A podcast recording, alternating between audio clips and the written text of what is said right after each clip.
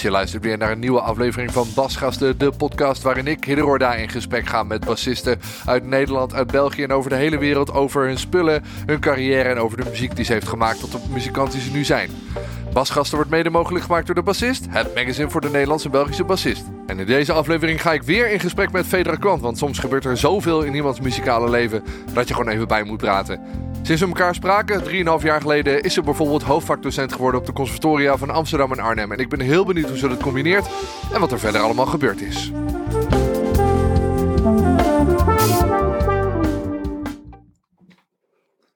Zo, nu loopt hij wel. Hi. Hallo. Deel 2. Deel 2, ja.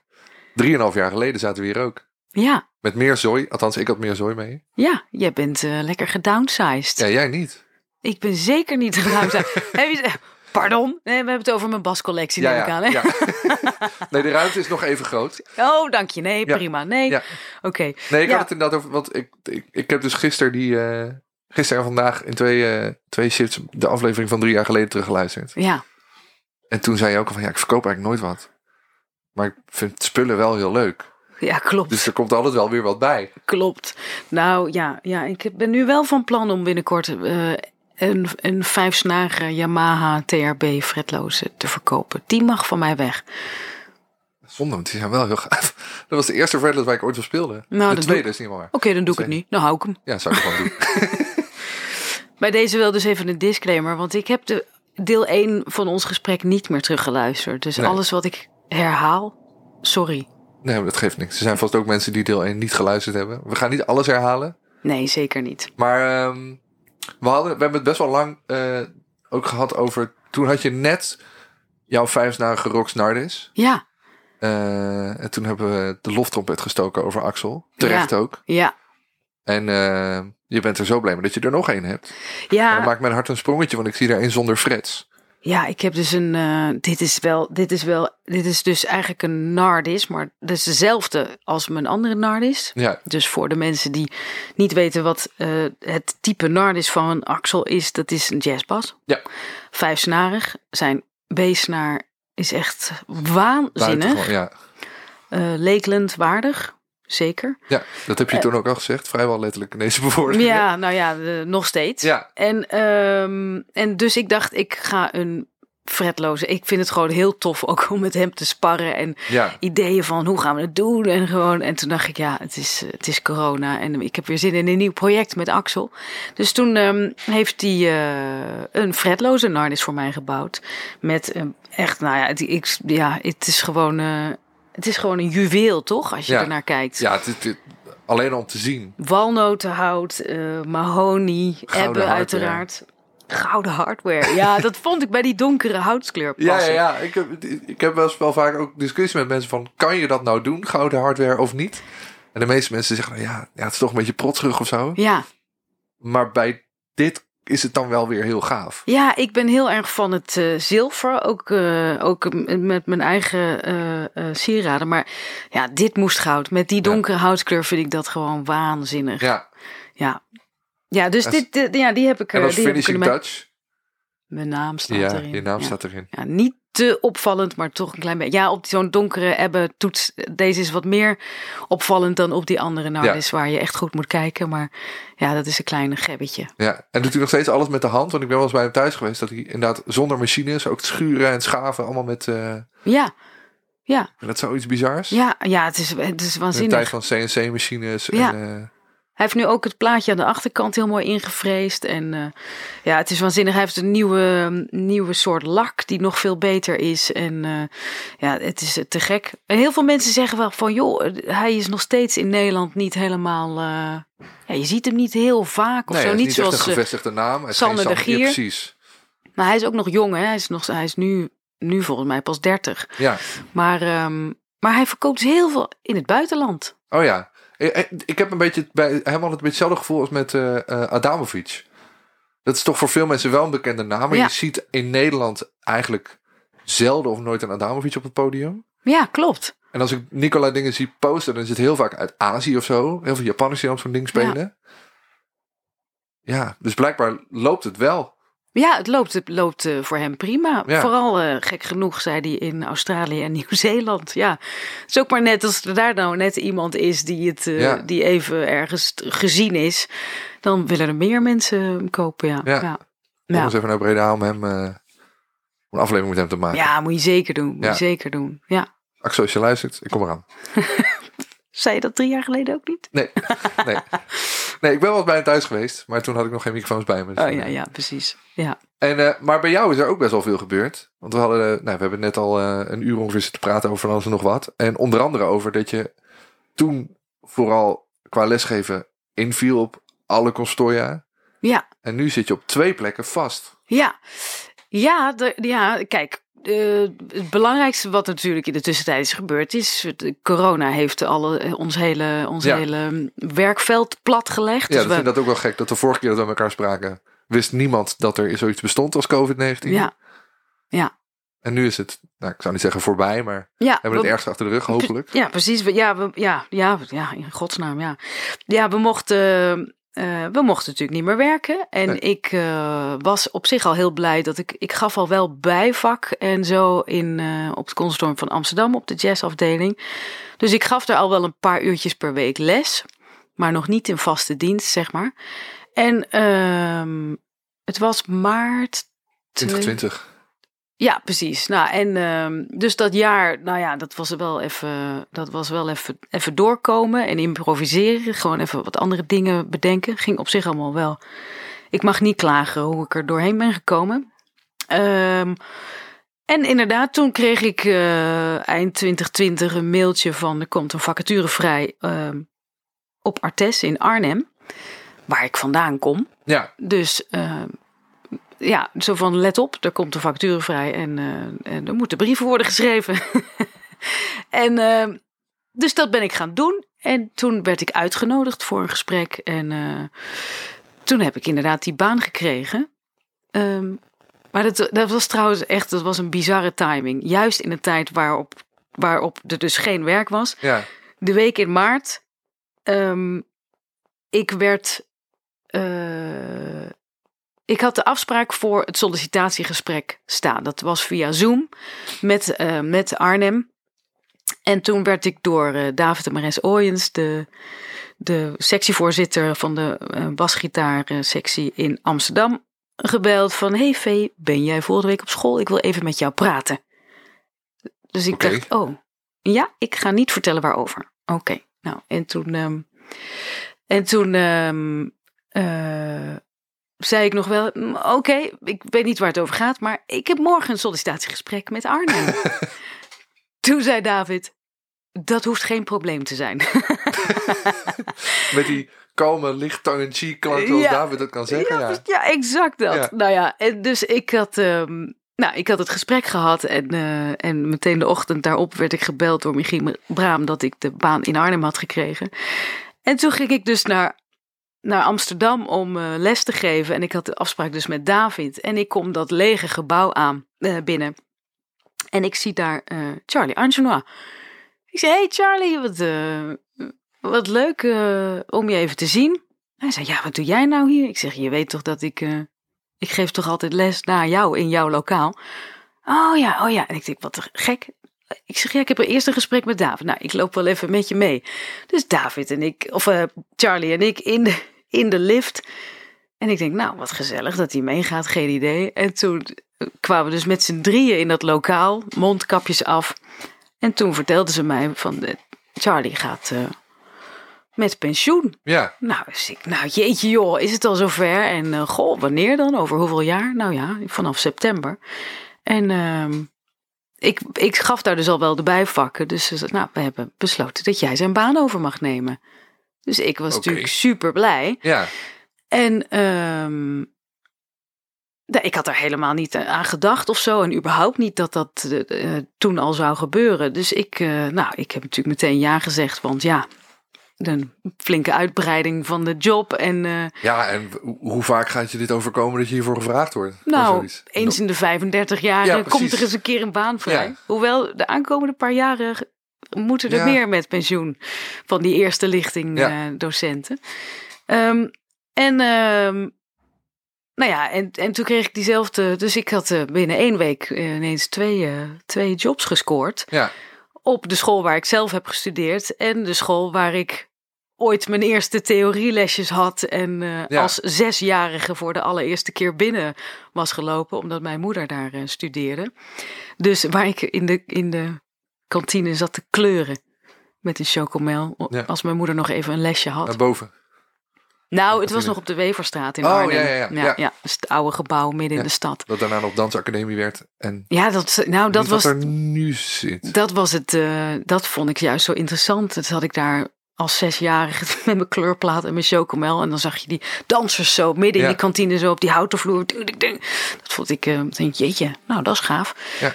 Ik wil ook die, die wereld in. Ehm, maar eh, ja, dus dat was heel bijzonder. En twee weken later piepte Charlie er ineens tussenuit. Ja, dat was dat ook was heel bizar. een dikke... Volgens mij was jij de, eerste hebben wie ik dat las. Of je stuurde mij een berichtje of zo. We spraken elkaar in ieder geval diezelfde dag nog. Ja, dat, ja, dat, ja, dat, ja, dat klopt. Ja. ja, dat was echt een hele schok voor, Ja, voor, nou ja, voor de hele muzikanten. eh biz. Ik zat dus in dat lokaal, gewoon precies twee weken later. ja, En ik kreeg een telefoontje van David. Ik schrok me helemaal eh, te pletter. Ja, Ja. dat was echt een grote schok. Gewoon een paar maanden voor zijn pensioen. Dus dat. eh, vlak nadat hij jou had, eh, zeg ja. maar. Nou, hij had mij, ja. Nou ja, dat, dat, dus dat was voor mij ontzettend bijzonder. dat hij het me nog zelf heeft verteld. Ja, precies. En dat we nog een mooi gesprek hebben gehad van docent naar oud-leerling. ja. Van, ehm, ja, dat hij heel blij was dat ik het ging doen. En eh, dat ik natuurlijk heel eh, eh, dankbaar en trots was en vereerd dat ik, dat ik was verkozen. Dus ja, dat, was echt, dat zijn echt ontzettende mooie momenten eigenlijk nog geweest die ik nu helemaal koester. Want dat was Ja, echt dat een goed. grote, grote schok. Dus ik moest ook natuurlijk meteen wat, wat lessen al overnemen. Maar ja, dus ook het document, hè, het interview van jou met ja. Charlie van Wasgasten. Dat is echt natuurlijk nu een waanzinnig eh, bijzonder document geworden. Ja, ja, dat realiseerde ik me inderdaad toen ook.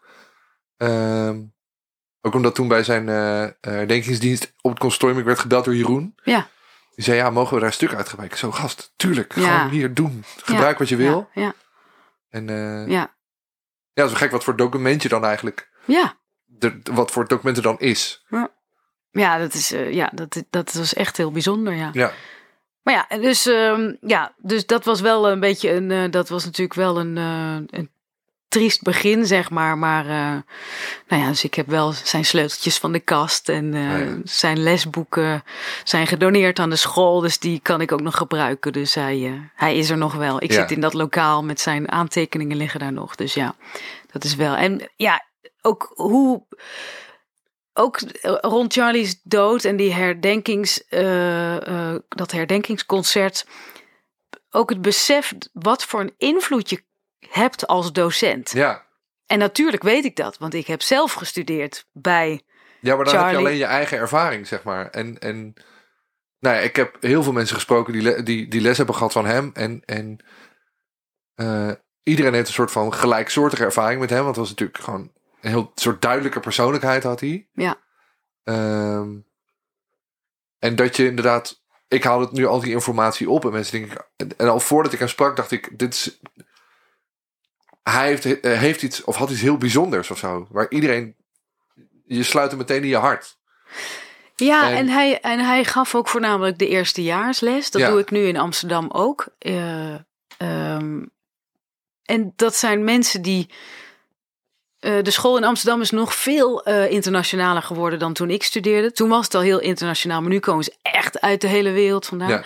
En ehm, dus iedereen komt dan in Amsterdam. Oeh, de, de grote stad, of nou ja, niet voor iedereen, maar wel een onbekende stad. Eh, je spreekt de taal niet. huisvesting, moeilijk, allemaal gedoe. En iedereen is onzeker, want iedereen is zijn eigen ster geweest in het dorp waar hij vandaan komt. En Ja. dan kom je naar zo'n instituut. En het is een groot, groot instituut in Amsterdam. En je denkt, oh god, iedereen is hier een ster in zijn eigen dorp geweest. En nou, oh jee. En dat is. En dan is zo'n zo'n docent, of überhaupt alle docenten, zijn natuurlijk ontzettend belangrijk. En nu zit ik dus zelf op die plek. Ja, Dus ik, ik ben constant, word ik gespiegeld ook met mezelf natuurlijk van, oh ja, oh dat had ik ook, oh die Ja. onzekerheid, oh ja, oh die stap en oh zo moet je het aanpakken en oh zo moet je studeren. En gewoon die jarenlang eh, zoeken naar hoe je het moet doen, het studeren, het aanpakken, het netwerken, het Ja. gigs regelen, het, ja, het carrière opbouwen. En dan is zo'n docent ontzettend belangrijk. Ik Ja. zit dus nu, hè, mijn, mijn oude docenten, dus, nou dat was Charlie natuurlijk, David, Theo, eh, Jan Hollestelle toen de tijd nog, Ja. eh, eh, Lené uiteraard. En ik heb gewoon quotes van hun. En Die kan ik nu Ja, oh, ja. weet je dat jij toen dit en dat, oh zei ik dat, oh weet je wel. Ja, Dus- ja, en dat, ik krijg het nu ook terug. Ja, jij zei toen dit en dat. Wow, oké, echt waar? Oké, dus ik moet. Het is een ontzettende verantwoordelijkheid. En dat is wel, eh, ja, ik vind dat heel gaaf. Dat besef dat je, nou ja, om het maar even groots te zeggen, dat je iets kan bijdragen. Ja. Nou, ik vond het wel grappig, want je, je, je zei drie jaar geleden... dat eh, van die dingen die ik dan wel onthouden heb... en dat hoor ik ook van heel veel mensen die eh, gestudeerd van je bent een soort spons en je neemt alles op... en Ja. dan ga je daarna kijken als je erin knijpt wat er overblijft. Ja, Ehm, en dan kun je dus inderdaad ook als degene die die spons heeft gevuld... daar weer mee geconfronteerd worden. Want eigenlijk alles wat je, zeker bij de wat meer eager studenten... kan ik me voorstellen, die, die slurpen inderdaad alles op... en die verwerken alles wat je zegt. En denken, oh, het is mijn docent en die weet dingen... en die heeft een carrière en weet ik veel.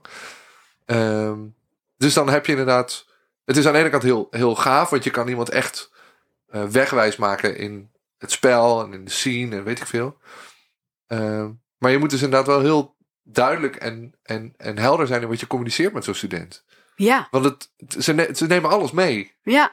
Ja, en ook het, eh, het lesgeven is nu voornamelijk in het Engels. Ja. En natuurlijk niet met de Nederlandse studenten, maar meer dan de helft ehm, is in het Engels. Dus dat is ook nog wel een dingetje. Zo van, ja, weet je, dat, dat, eh, je moet echt zorgen dat je goed wordt begrepen. Ja, Dus ik probeer dat altijd goed te checken van, snap je wat ik bedoel? Snap je wat ik van je verwacht voor volgende week? En, ja, Maar het is, eh, ja, het is super gaaf natuurlijk om die ontwikkeling te zien. Want ik heb altijd een privé eh, praktijk gehad, maar dan kwamen mensen niet iedere week of zo, weet je wel. Nee, Eens in ze- zoveel tijd kwamen ze even weer... eh, of, je, of ze kwamen aan en dan... En wat heb je daar gedaan? Ja, Ja, komt ook voor. Ja, en ja, prima als iemand Ja. niet. Maar dit zijn mensen die op het moment dat je het conservatorium binnenstapt als student, ben je eigenlijk gewoon een professional. ja, En is je carrière begonnen. Dus, ehm, dus dan kun je ook dingen verwachten. En, eh, en ook rekening houden met die onzekerheid. En die hoe, hoe moet het allemaal? Hoe? ja, En ehm, dus die ontwikkeling die mensen doormaken als ze echt elke week les hebben en elke week studeren en alles opslurpen is waanzinnig. ja. En vooral ook iedere dag, de hele dag daarmee bezig zijn. Ja, als ze dat doen. Nou ja, dat is in principe, als je, een, muziekopleiding doet, is dat wel de bedoeling natuurlijk. Want Ja. je hebt iedere dag lessen en eh, eh, combo's en weet ik veel. Ja, zeker. Natuurlijk, ze zijn er elke dag mee bezig. Maar het is voor de meeste. Ik ben nu ook in Amsterdam mentor van alle bas, basgitaristen. Ehm, dus dan heb je het nog meer op persoonlijk vlak ook. Met van hoe krijg je het allemaal voor elkaar? Ja, En de meeste mensen, het is gewoon lastig van hoe studeer je nou? Vooral met, met, ehm, met jazzmuziek. Eh, nou ja, met pop ook. In Arnhem is het jazz en pop. En Amsterdam is iets meer op de jazz, maar ook pop. Want hè, de basgitaar is nou eenmaal gewoon een jong instrument. Ja. En, eh, en we doen alle stijlen. En ook alle docenten zijn ook allemaal allrounders. We, Ja. hè, we zijn sessiemuzikanten, maar ook eigen dingen en eh, moeilijke muziek. Ehm, ehm, dus hoe, hoe leer je nou improviseren, weet je wel? Ja. Dat zijn hele... Dat, dat zijn allemaal psychologische processen. En dat vind ik fantastisch aan het lesgeven. Om, om te kijken, wie is iemand? Wat is Ja. de sterke kant? En hoe krijgen we eerst die basis goed? Die, die duidelijke fundering. Bam, ik ben bassist. Mhm. Hier kun je op bouwen. Hè, dit, is, dit, is, dit is het. We, we storten het beton. ja, En, en, eh, en dan de laatste paar jaar van de studie worden de, wordt er gemetseld, zeg maar. Ja. Oh, mooi gezegd, hè? ja mooi. Ik zou bijna zeggen dat je zoiets vaker doet. Zo een beetje uitleggen aan iemand hoe iets werkt. Ja, nee, kletsen kan ik wel. ja, Maar heb je het idee, eh, want ik, ik heb best wel vaak teruggekregen, of ook van, van oude studiegenoten van mij, dat, eh, en je geeft net zelf eigenlijk ook aan dat er eh, best wel veel mensen rondlopen met zo'n. Die, die komen daar aan en die zijn dan inderdaad de, ster van de plek waar ze vandaan komen. Of dat nou Nederlands of niet is. En die komen dan op zo'n school en die denken: shit, iedereen is minstens net zo goed als ik. Of beter, of studeert beter. Heb je het idee dat dat ten opzichte van toen jij studeerde, dat die mentaliteit een beetje veranderd is? Want ik heb nu het idee dat omdat het makkelijker is ook om contact te hebben met muzikanten over de hele wereld. Dat je dus ook sneller een beeld hebt van wat je, uh, wat je kan en op wat voor niveau je zit. En dat je misschien ook wat meer bezig bent met jezelf verkopen. Nou, dat is wel een interessante vraag. Want um, er zijn zeker natuurlijk heel veel dingen veranderd in de afgelopen twintig jaar. Oh, ja, het is wel, het is wel zo. Ik zeg er niks over. um, je bent zo oud als dat je je voelt. Um, maar, um, nou ja, wat, wat het grote verschil natuurlijk is dat, dat wij gingen gewoon een uh, CD in de bibliotheek halen. En dan ging je daar helemaal in op. En er is nu zoveel. Ja. Alles is er. Dat is trouwens heel handig met lesgeven. Je, kan, ja. je kan alles meteen opzoeken. Ken je dit, ken je dat? Ook nu, weet je, ik heb ook. Ik hou dan wel alles bij, maar studenten komen ook van. Ken je dit? Nee. Ken je dat niet? Nee. nee. Oh nee. Oh, sorry, ja. oh ja, dan schrijf ik het op. Maar zo kwamen wij natuurlijk vroeger ook wel bij onze docenten. Maar nu is er nog veel meer. Ja. Omdat, er, omdat alles voorhanden is. Um, er zijn veel handiger tools. Um, is het nou is het nou beter om bijvoorbeeld, als je iets moet transcriberen, hè? Als je, een, als je een masterclass of een workshop ziet van, nou ja, welke grote muzikant dan ook. Um, we hadden laatst in Arnhem Henry Hay, het muzika, de pianist, muzikaalleider van George Michael geweest, ja. uh, David Bowie. Um, die, uh, wat is de beste manier van studeren? Hij, hij zei ook meteen transcriberen. En niet zozeer om alles precies helemaal op te schrijven, maar gewoon uitzoeken, kijken wat gebeurt er. Ja. Um, daar leer je van, van wat is het akkoord? Wat wordt daarover gespeeld? Oh, dat is zus of zus of zo. En dan dat herhalen en dat komt dan, hè, dat stop je in je spons. En Ja. uiteindelijk komt dat er weer uit als je Ja. zelf speelt. Ehm, vroeger moesten wij gewoon op en neer rennen van piano naar cassettedek. Ja, Terugspoelen. dat je hem net op tijd uitzet. Oh, dat ene nootje, wat Ja. speelt hij daar precies? Oh, stop zetten op daar. En nu zet je gewoon op YouTube, zet je hem trager en zoek je het uit. Is dat, wat is nou beter? Oké, het ene is efficiënter. Gewoon langzaam opzetten. Doe, doe, die, doe, doe, in plaats van. Oh, Mhm. maar waar leer je nou eigenlijk meer van? Wat beklijft dan meer? Ja, nou, ja, ik weet niet of het een. eh, of je van het een. Ik denk dat je iets anders leert. Ervan. Want als je, eh, als je het, zeg maar, het originele tempo moet uitzoeken, zoals hè, Charlie Parker dat ooit is ingespeeld, bij spreken. Dan, ik denk dat je dan meer leert, het meer leert horen in de flow van die muziek. Want het is niet voor niks in dit tempo dat dit gebeurd is. Ja, Ehm, en als je het op een lager tempo, dan kan je het veel meer een soort van minutieus gaan uitpluizen. Van oké, maar waar plaats je die noot nou precies? nou, het gaat in ieder geval sneller. Ja, Want wij waren de hele middagen bezig, weet je wel, op en neer Ja, maar het zorgt, het zorgt ook voor een andere manier van studeren, denk ik. Want ik heb een, een bevriende drummer van mij, die heeft net zijn masterdiploma gehaald. En die is dus gaan ehm, uitpluizen wat nou... Volgens mij ging het over wat nou fijne timing is. En hoe komt het nou dat Steve Jordan zo goed klinkt? Oh ja. Toen is hij echt op de milliseconde gaan kijken... waar plaatst hij nou elke klap in een groove? Ja, Ehm, dus het, het, het, het opent ook weer nieuwe dingen. Want je kan veel preciezer gaan kijken naar... wat is nou het effect van wat er gebeurt. ja, dat snap ik wel, ja. ja. Nou ja, maar het- in het verlengde van de vraag die je net stelde, van dus als je minder tijd kwijt bent met dingen, dan kun je dus ook meer dingen doen. Dus is het dan, is het tegenwoordig beter dat er heel veel is, wat Ja. je dus veel meer kan doen, of zoals wat wij dus iets meer hadden, iets meer induiken op bepaalde, bepaalde aspecten. Snap je wat ik bedoel? Ja, ja. Dus het is, wat is nou beter? Ik ben er niet uit. Misschien is het allebei goed. Ik weet het niet precies. Wat ik, wat ik wel merk is dat sommige mensen worden ontzettend eh, overstelpt, zeg maar, door alles wat er is. Er is te veel. ja. Wij wilden gewoon vroeger, weet je, je wilt gewoon de beste, je wilde gewoon de beste bassist worden van, nou ja, Nederland. Eh, van wat je zelf kon worden. Of Ja. ja, hangt er een beetje vanaf wat voor een ambitie je had. Ehm, nu we- kun je binnen 10 seconden op internet twintig achtjarigen vinden die allemaal beter zijn dan jij. En beter zijn dan jij ooit zult worden. Ja. En dat geldt Word je daar een betere muzikant van? Dat je dat, van het feit dat je dat kan vinden. Wat doet dat met je hoofd? Ja, Dat is het hele ding. En ik denk dat het nu nog een beetje iets te kort is om te zien welke psychologische gevolgen dat precies voor mensen eh teweeg brengt. Maar ehm, nou ja, ik vind, dat, ik vind dat wel interessant om over na te denken. Wat natuurlijk niet een gunstig ding is geweest, is die hele coronaperiode voor studenten. ja, Want dan, weet je, vooral de studenten die nu vierdejaars zijn, die hebben gewoon twee jaar lang niet kunnen jammen, niet kunnen netwerken. Ja, en gewoon je hele sociale ding.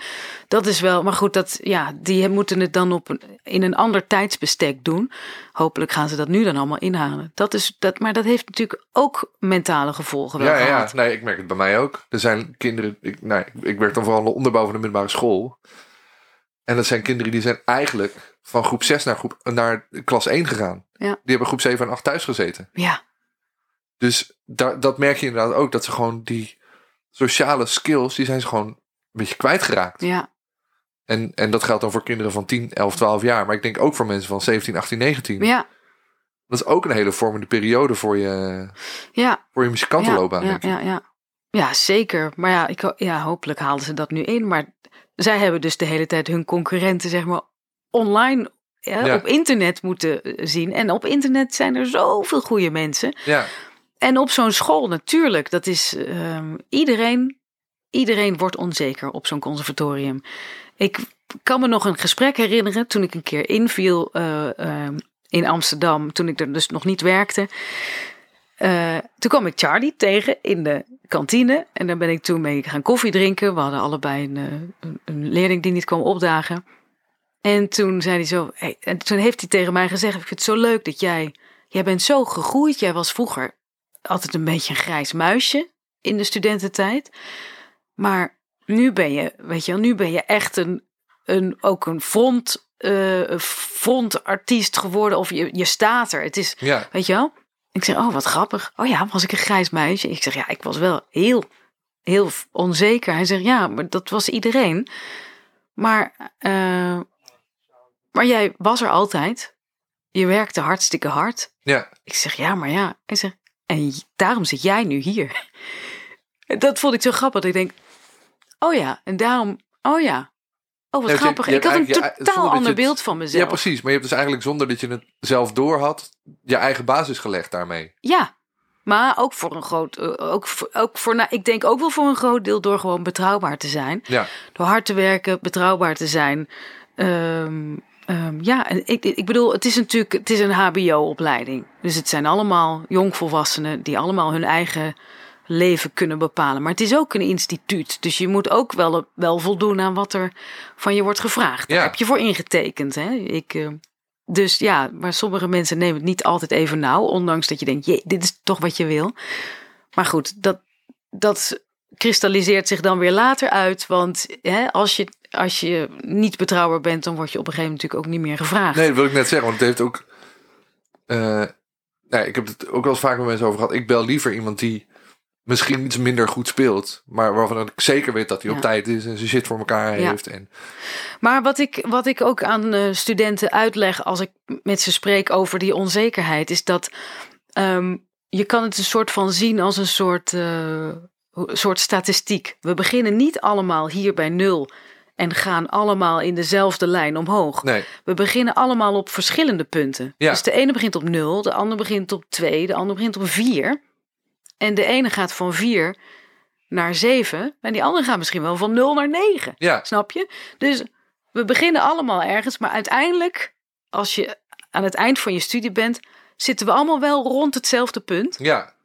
Want we hebben allemaal diezelfde basis. Ja, en, maar, en dan is het ook nog weer zo dat dat, voor, dat dat punt voor iedereen op een andere plek ligt. Ja. Dus je kan, wat voor de een 9 is, is dat voor de ander niet. Zeker. En ook op verschillende manieren. Dus de ene gaat volledig de, de bebop in. En de andere gaat eh, veel meer Motown soul-achtige dingen doen. Ja. En de andere wordt een waanzinnig goede allround eh, bassist in een eh, goed lopende coverband. En een hele goede docent. Ja, En de andere wordt een hele goede docent en een hele goede jazzmuzikant in één. Nou ja, Maar grappige alles. is, ik heb dus ook wel het idee dat dat ook wel een beetje veranderd is. Want ik had, toen ik ging studeren, toen eh, had ik een beetje het idee dat op in ieder geval de meeste consultoria dat het idee was dat je gewoon alles moet kunnen. Dat je gewoon nooit, Michel Verschier heeft het ook wel tegen me, je moet gewoon zorgen dat je nooit nee hoeft te zeggen tegen een klus. Dat je nooit hoeft te zeggen, ja, maar dat kan ik echt niet. Ja, Eh, of eh, eh, daar kan je beter iemand anders voor bellen. Je moet gewoon bij wijze van spreken altijd ja kunnen zeggen. En ik heb het idee dat dat een beetje verschoven is naar... Jij moet bekijken wat wil je en dat dan zo goed mogelijk kunnen. Inderdaad, als jij gewoon hè, je oude precision met een schuimpje eronder wil hebben... en je wil heel goed foem kunnen spelen... dan gaan wij je op deze school helpen om dat zo goed mogelijk te kunnen. nou ja, het is een. dat, is, dat heeft natuurlijk wel te maken met dat. Dat, dat, dat nu die splitsing er is tussen jazzopleidingen en popopleidingen. Ja, Dus nu wordt er een soort van alsof je een keuze moet maken. Al heb ik het idee dat de, jazz, de popopleidingen ook veel meer over de marketing en de business gaan. Wat op Ja. zich ook goed is, zeker. En de jazzopleidingen misschien toch, of de jazz en pop. Want eh, de, eh, Arnhem is jazz en pop, net zoals eh, Zwolle en Utrecht. En, ja. Ja. en ehm, ehm, dat die allrounders, die sterven juist een beetje uit. Heb ik het idee. ja precies. Eh, Juist daarom. Om, om die reden. Ja. Maar als je kijkt naar waar, waar leef je van. Het is, dan doe je, ja, ik doe ook al die verschillende dingen. En Ja. mijn directe collega's ook. Zowel die popdingen als die jazzdingen. Ja. En inderdaad, je kan ons bellen. En natuurlijk heeft iedereen zijn eigen, zijn eigen specialiteiten of zoiets. Mhm. Maar veelzijdigheid kan ook specialiteit zijn. Precies. Althans, dat roep ik dan altijd maar.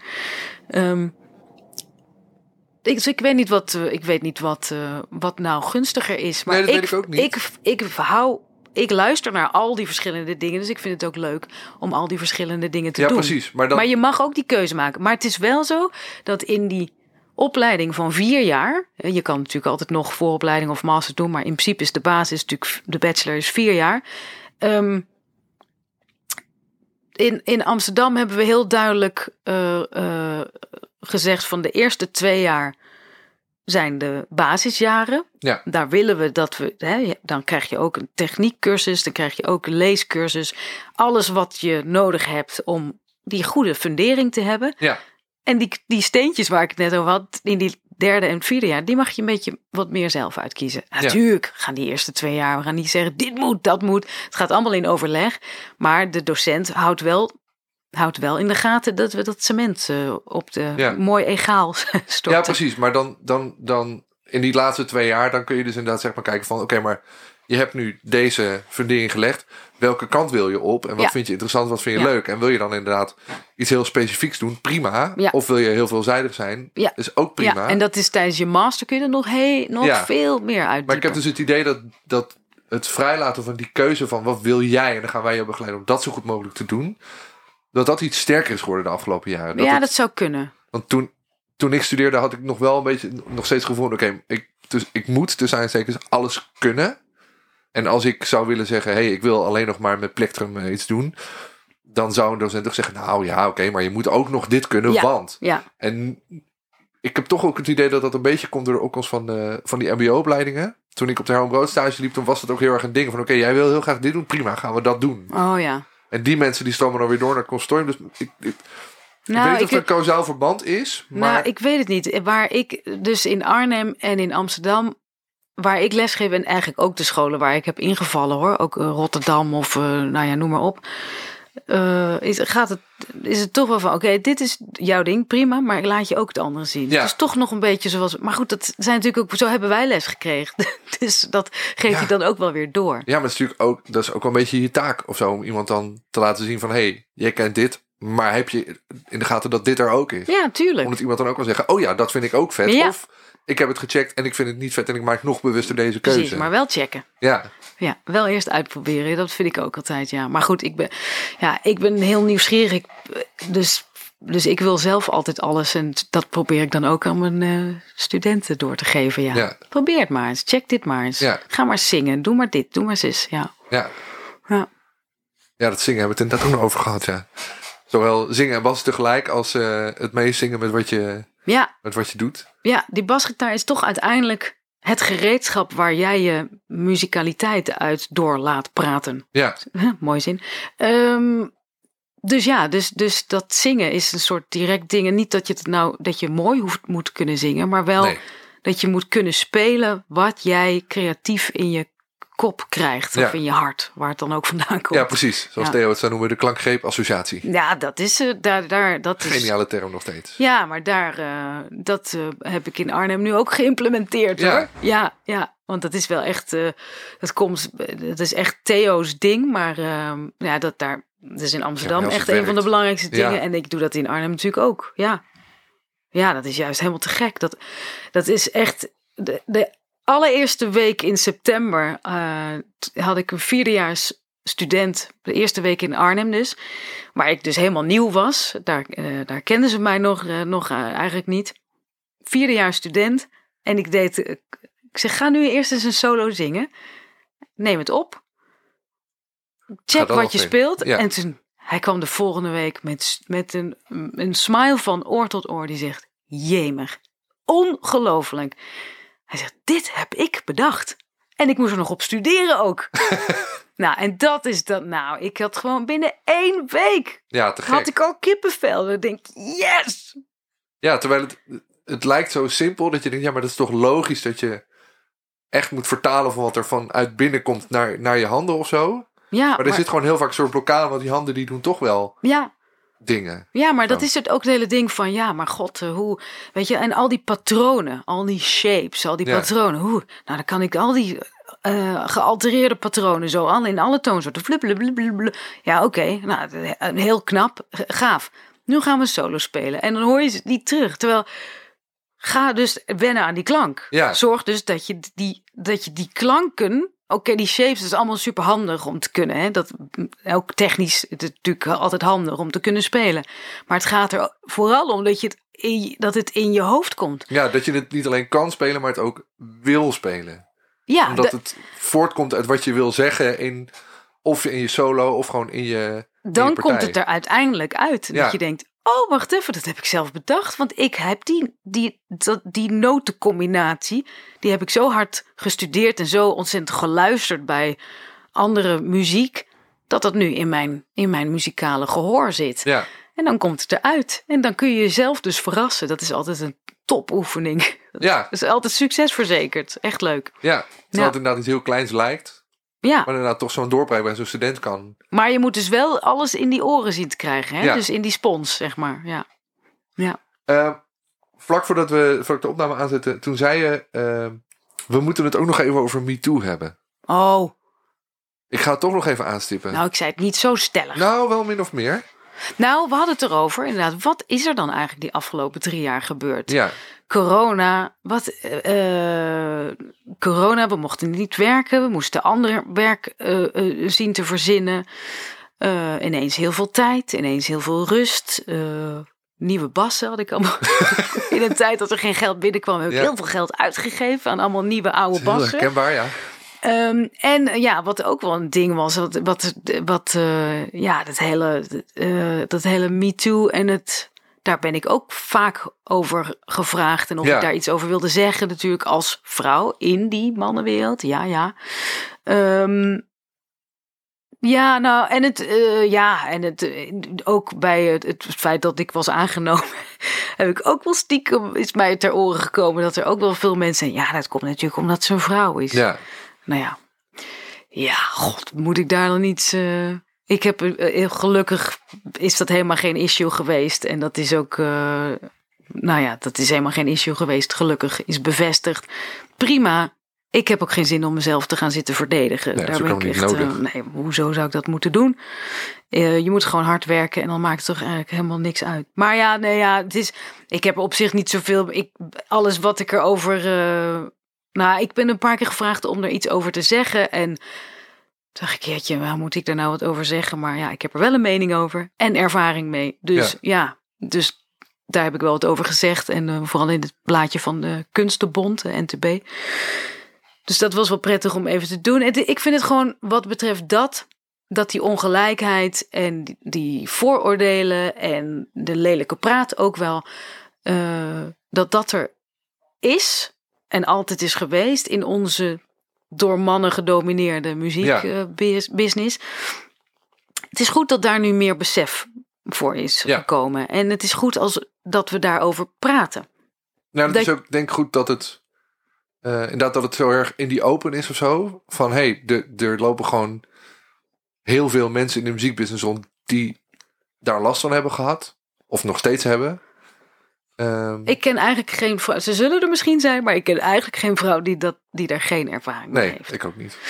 En ik heb zelfs eh, toen dat allemaal naar buiten kwam van, oh ja, heb ik echt eh, mannelijke collega's gehad waar ik prima mee omgegaan die ook zeiden, "Oh, ik ben het me nu eigenlijk pas gaan beseffen hoe afschuwelijk het is, hoe afschuwelijk wij praten over vrouwen in Ja. kleedkamers. En ik, eh, iemand heeft zelfs gezegd, "Het- ik heb over jou ook hele lelijke dingen gezegd.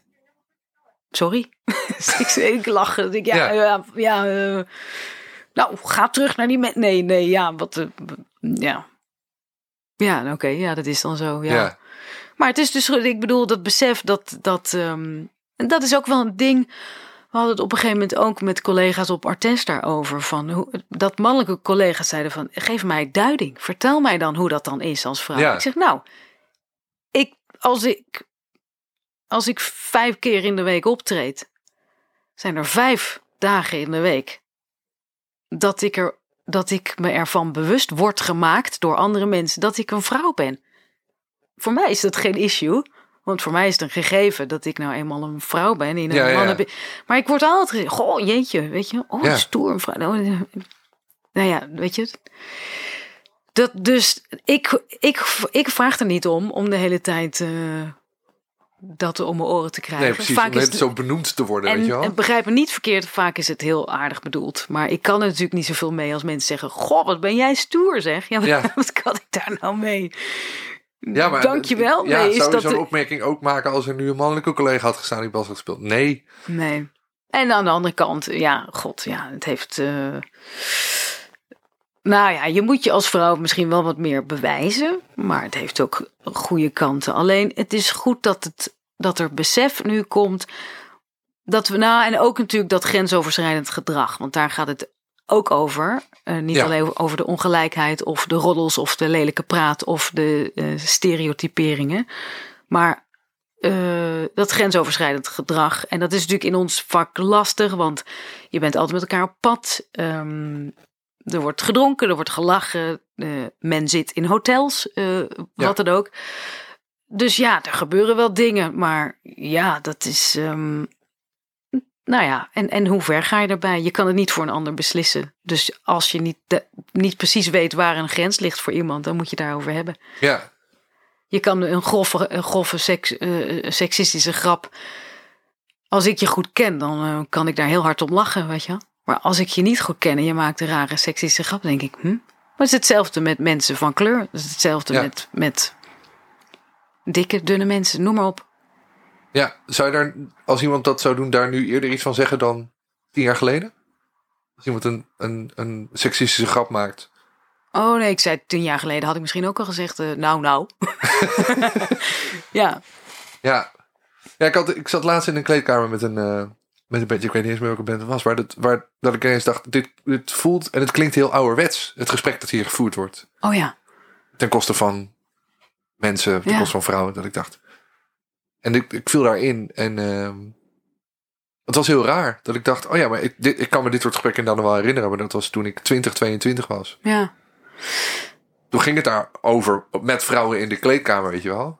De, de, door, eh, Nee, maar je kan juist grove grappen maken. De, ik bedoel, zwarte humor is ook, is, Tuurlijk. is ook humor. ja, ja, ja, maar, het- Maar je moet wel weten met wie. precies. En het is hetzelfde met flirten. Of eh, laatst hadden we een discussie over ehm, als, je, eh, eh, als je tegen iemand zegt: Goh, wat zie jij er sexy uit?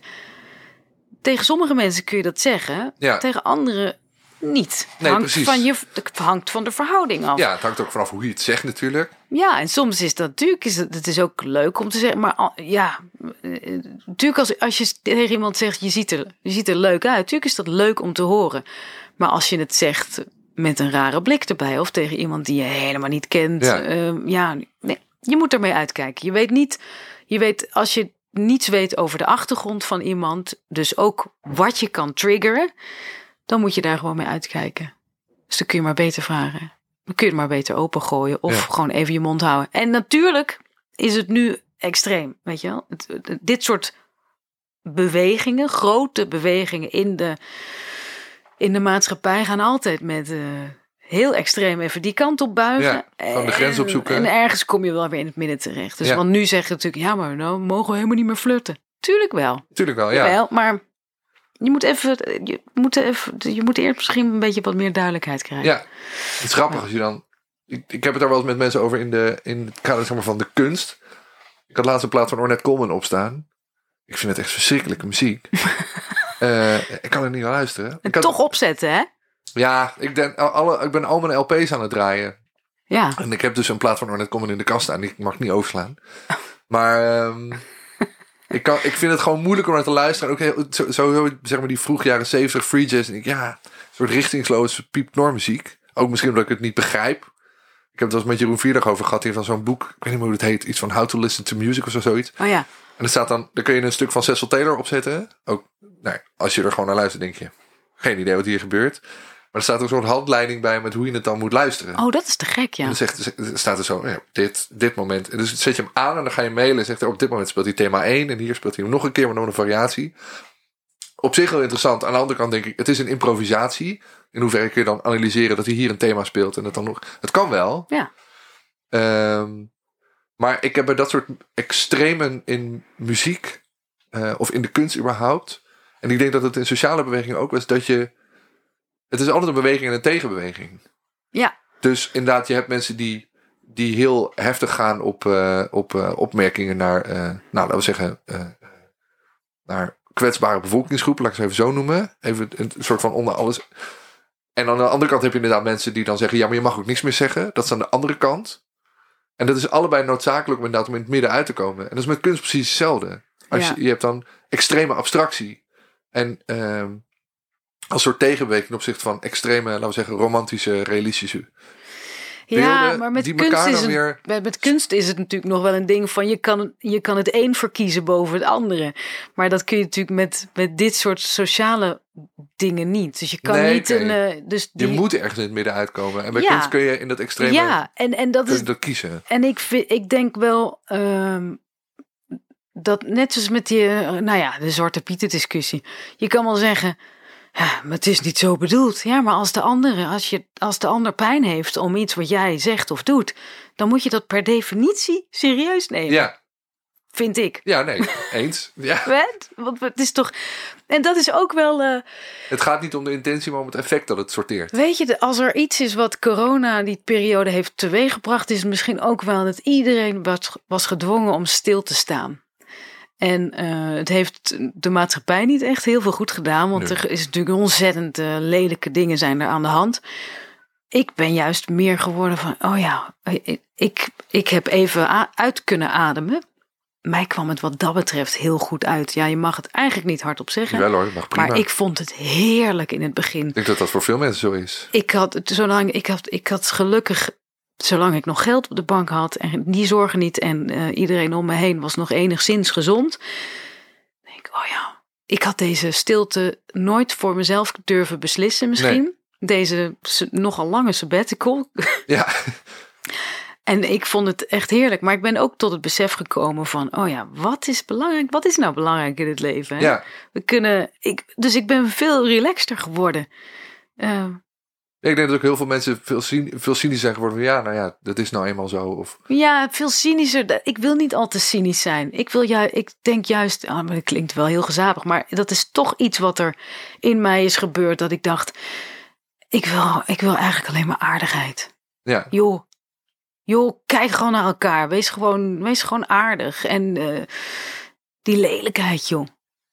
Dat elkaar misgunnen. eh, hou op. ja, Kies je eigen pad. En als je iets wil en je krijgt het nu niet, dan misschien over een tijdje wel. Of je wens verandert, ja. of wat dan ook. of Maar zo niet dan niet. ja. En eh, ja, accepteren is een van de moeilijkste dingen in het leven misschien wel. Maar ja, dat is wel. eh, en daarom is dat lesgeven is ook, is ook geven. En dat is ontzettend leuk. Dat Ja. is ontzettend leuk om, om, eh, om, om te zien bij anderen. Dat je denkt, goh, wat leuk. Ja, maar je krijgt het ook weer terug. Ik vind het altijd heel leuk als je dan iets... Nou, wat je net over vier jaar student vertelt. En ik heb, ik heb het natuurlijk op heel bazaal niveau met, eerst, met brugklassers. Maar net zo Dat je belangrijk. iets laat zien en dat... dat ehm, Zo'n zo'n succeservaring. Dat je zo in die blik van zo'n leerling of een student... Ja. Dat, dat ze ineens denken... Oh, dit. Ja. Dat, dat, zijn, heel, Ja. dat zijn soms, soms hele kleine dingen. Ja. Maar het is niet alleen met lesgeven, maar dat is natuurlijk ook met muziek maken. En dat Ja. is natuurlijk, en daarom is het ook, dat is, blijft ook een wisselwerking. Als jij, eh, ik doe dan nu, vanavond de laatste voorstelling van eh, ehm, het vervolg van de Story of George Michael, Ja. die we ooit hebben gemaakt met Charlie Luske, ehm, waar ik waarin ik het hele verhaal ook vertel. Dat is Mhm. nu de story van of Robbie Williams hebben we gedaan. Dat was ook zo'n uitgesteld corona. Vanavond is dan de laatste show van de reprise. Waar ik ook weer het hele verhaal vertel. Als ik iets minder in mijn energie zit, dan krijg ik minder terug van Ja. de zaal. Dat is natuurlijk een bekend theatergegeven of überhaupt podiumdings. Maar het is een wisselwerking. Ja. Dus ook als muzikant. ehm, wij zijn natuurlijk altijd heel erg met onszelf bezig. Onze eigen ontwikkeling. Ik wil de beste worden. Ik wil dit. Ik wil dat bereiken. Bla bla bla. Maar uiteindelijk, als je, als je denkt: oké, dit is wat ik nu ben. Eh, dit is wat ik nu te geven heb. Maar ik ga het wel geven vanavond. Ja. Dan krijg je dat terug. Bam. En dat is, dat is onwijs tof. En dan krijg je, krijg je een schouderklopje. Voel je jezelf weer beter. Ja. Heb je andere mensen een leuke avond bezorgd. Ehm, ja, En het grappige is dan ook wel dat je dan... Want je wil dan altijd, zeg maar, het maximale van jezelf aan het publiek geven. Maar dat is per avond is dat ook weer anders. Weet je, als je een keer slecht geslapen heeft, op het Ja. eten was niet lekker of weet ik veel. Hm? Dan, dan is dat maximale is minder. Maar als je nog steeds dat wat het maximum is aan het publiek geeft, krijg je nog steeds hetzelfde terug. Ja. Vaak. ja. Je soms het, ben je een eh, beetje moe en als je dan nog steeds volle bak ervoor gaat, ja.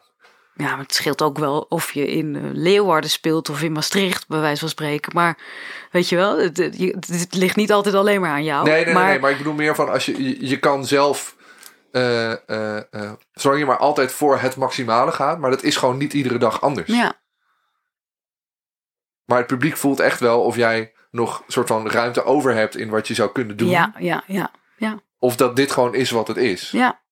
En dat merk je dus ook. Het was de afgelopen weken, eh kwam ik er toevallig tegen, nou toevallig, twee keer dat een grote artiest in Nederland speelde. Eerst Sting en toen Beth Hart, die allebei een kortere show moesten spelen Ja. omdat ze ziek waren. En ehm, Sting speelde volgens mij maar een, een drie kwartier of zo. Ja. Toen moest hij al af.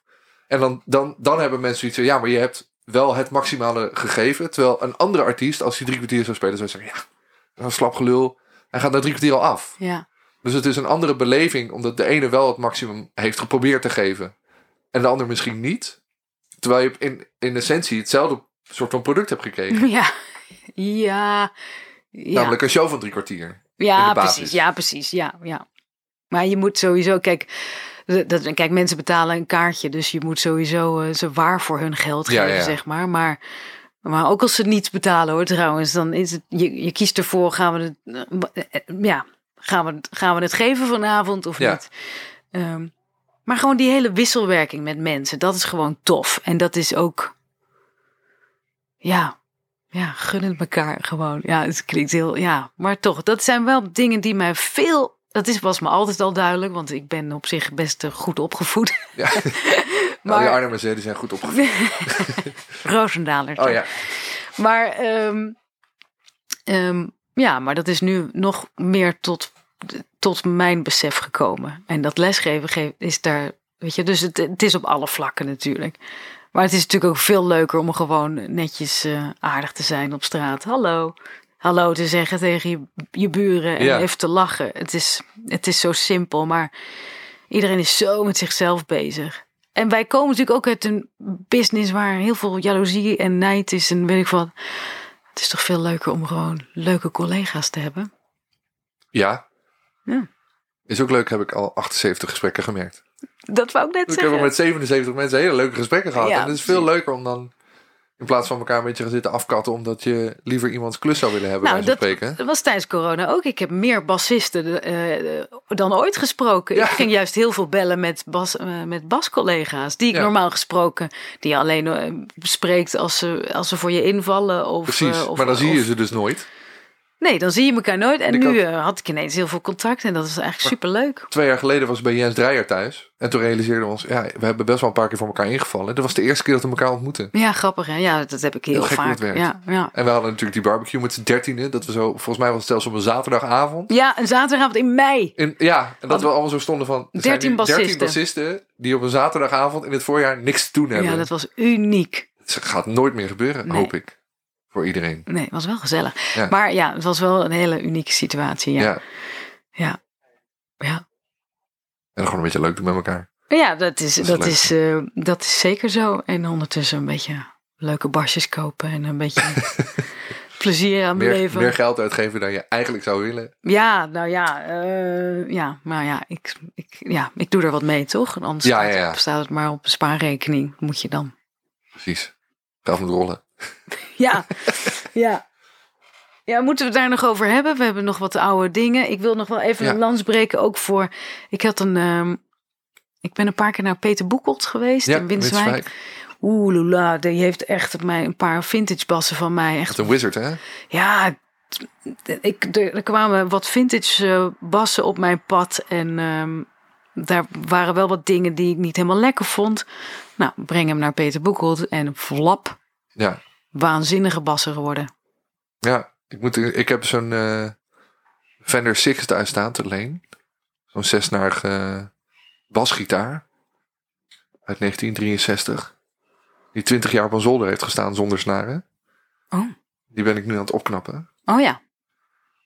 En eh, hij, hij is bijna goed. Maar ik denk misschien dat ik ook nog even een ritje Winterswijk van Peter. Ja, het is echt, Help even. echt, echt eh, ja, dat kan hij. Dat is Ja. echt helemaal te gek. Ja, ik denk toch. Hij maakt zelf natuurlijk ook hele mooie bassen hoor. Maar ik ben voornamelijk bij hem voor mijn vintage. eh, Ja, en ik ben natuurlijk bij Lené geweest. die heel veel op die bas van Ja. Peter speelt. En ik ben bij Peter zelf ook geweest. Dus toch, heel veel mensen kennen hem. Maar het is, nog, het, het- het is een beetje hetzelfde met Axel. Dat als je hem kent, dan weet je hoe verschrikkelijk goed hij is. Maar het is toch nog niet zo'n soort van household name als nou ja, Sander of eh, Nicola of weet ik veel. Ja. ja, het hangt een beetje vanaf welke scene je komt, denk Ja, ik. nee, precies. Maar Ja. het is. Het- daarom zeg ik, als je hem kent, dan weet je wie Peter is. Ja, ja. Maar is nog niet zo soort van oude. Vindt hij, hoeft hij volgens mij ook niet per se. Het dan wel best als hij. Als, de, als hij de goede mensen kent. Ja, het is ook niet, eh, hij is ook niet zo'n bouwer zoals eh. Sander hoor. Nee. Van, eh, die echt bouwt, bouwt, bouwt, bouwt Ja. en verkoopt. Dus dat, maar hij bouwt mooie dingen en inderdaad, hij heeft echt een paar bassen van mij. Gigantisch. Mijn 72 jazzbas, Die witte. 66 jazzbas. Nou, Ja. Die wilde ik eerst verkopen, die 72. Ja, dat weet ik nog. Daarom ja. dacht ik, ik ga nog even bij hem langs. Nog even een laatste check. En hij zei, niet doen. Laat Ja. hem even hier. Of nee, het was sterker nog. Ik was helemaal naar Winterswijk gereden. En, ehm, en weer terug. En toen belde hij me op. Ja, ik heb er toch nog even over nagedacht. Maar als je hem hier wil blijven, ga ik eh, no cure, no pay eh, operatie uit, uitrichten. Toen ben ik weer teruggereden in dezelfde week naar Winterswijk. Oh. En ja, het was toch corona. Ja. En, eh, ehm, en hij heeft hem fantastisch opgeknapt. Dat is te gekke bas geworden. En die 66er van mij ook. Die E, die was een soort... En die klinkt nu... ehm, ja, dus echt te gek. te gek. Ben er wel benieuwd naar. Ja, ja. Ja, dus ehm, voor mijn Peter nieuwe... Nieuw, ja, zeker. Voor mijn nieuwe projecten. Ik heb drie jaar geleden gezegd dat mijn nieuwe album eraan kwam, hè? Ja, Ja, die is er nog niet. nee. Maar dat kwam ook, ik had het natuurlijk even financieel wel een soort van onhold gezet. Want een album maken kost tegenwoordig Echt waanzinnig. alleen maar heel veel geld. Ja. Is een heel duur cadeau aan jezelf en aan je moeder waarschijnlijk. Ja, precies. En aan die drie andere mensen die er vaak naar luisteren. Ehm, maar ik ga het wel doen. En, ehm, Ja, en maar nu, komt eh, eraan is ook een heel rekbaar begrip. Nee, ja, maar god, ik had al die stukken al wel klaar. Alleen, eh, ja, financieel dacht ik, nou, ik ga nou niet eh 10, 20.000 euro uitgeven. Even, even, even kijken hoe of wat. Bovendien was het ook moeilijk samenkomen in die eerste tijd natuurlijk. Maar dat gaat er nu wel aankomen. Want Vet. vanaf januari ehm, heb ik ook wat tours niet aangenomen om daar echt tijd voor te hebben. Ja, Spannend. ja. Heel benieuwd. Wie, heb je, wie gaan er hem eh, inspelen voor je? Nou, Behalve jijzelf natuurlijk. Of ga je ehm, dat nog niet zeggen? Nee, ik heb. Nee, ja, nee. Wacht, ik, ja, ik heb wel een paar namen al. En ehm, eh, ik heb ook Erik Vloeimans al gevraagd, waar ik ook een eh, nieuwe band mee heb. Ehm, maar die heb ik al wel voor een paar stukken ook voor mijn solo-album gevraagd. En uh, nou ja, dus, dus, ja, mensen waar ik veel mee speel en ook weer wat gasten en zo. Dus dat, uh, dat uh, ja, ben heel benieuwd. Ik heb drie verschillende projecten bedacht, dus ik kan wel even weer vooruit met geld uitgeven. Nou, gaan we over drie jaar kijken of die platen er ook daadwerkelijk gekomen zijn. Oh, nee, nu beloof ik het echt. Oké, okay, dat is goed. Gaan we nu van Bas inprikken. ja, precies. Leuk. Dankjewel, Vedra. Nou, jij bedankt. De eerste deel 2. De eerste deel 2. En we hebben wel weer een totaal ander gesprek gehad, hè? Ja, dat is compleet anders. Ja. We hebben het helemaal niet over vroeger gehad, want dat hebben we vorige keer al gedaan. Nee, helemaal niet over uh, dat ik met cello ben begonnen. Nee. En die horizontaal speelde. Ja. en dat je een uh, Phoenix bas als eerste bas had. Met wat voor versterker, weet je nog? Uh, Hij staat daar nog onder mijn vleugel. Ja, je kan hem niet zien. Nee, weet ik niet meer. Vester Maniac. Ja. ja, nu het zegt weet ik het weer. ja. Is het toch maar even gezegd. Toch maar even gezegd. Vester Maniac. Joe, doei. Je luistert naar de Basgasten en dit keer was ik weer eens in gesprek met Vedra Kwant. Basgasten wordt gemaakt door mij, Hidde Muziek is van Tyranny Vlog. Vergeet je niet te abonneren op de podcast op je favoriete podcastplatform, de playlist te checken, een review achter te laten en vriend te worden op Vriend van de Show. Bedankt voor het luisteren en binnenkort weer een nieuwe aflevering.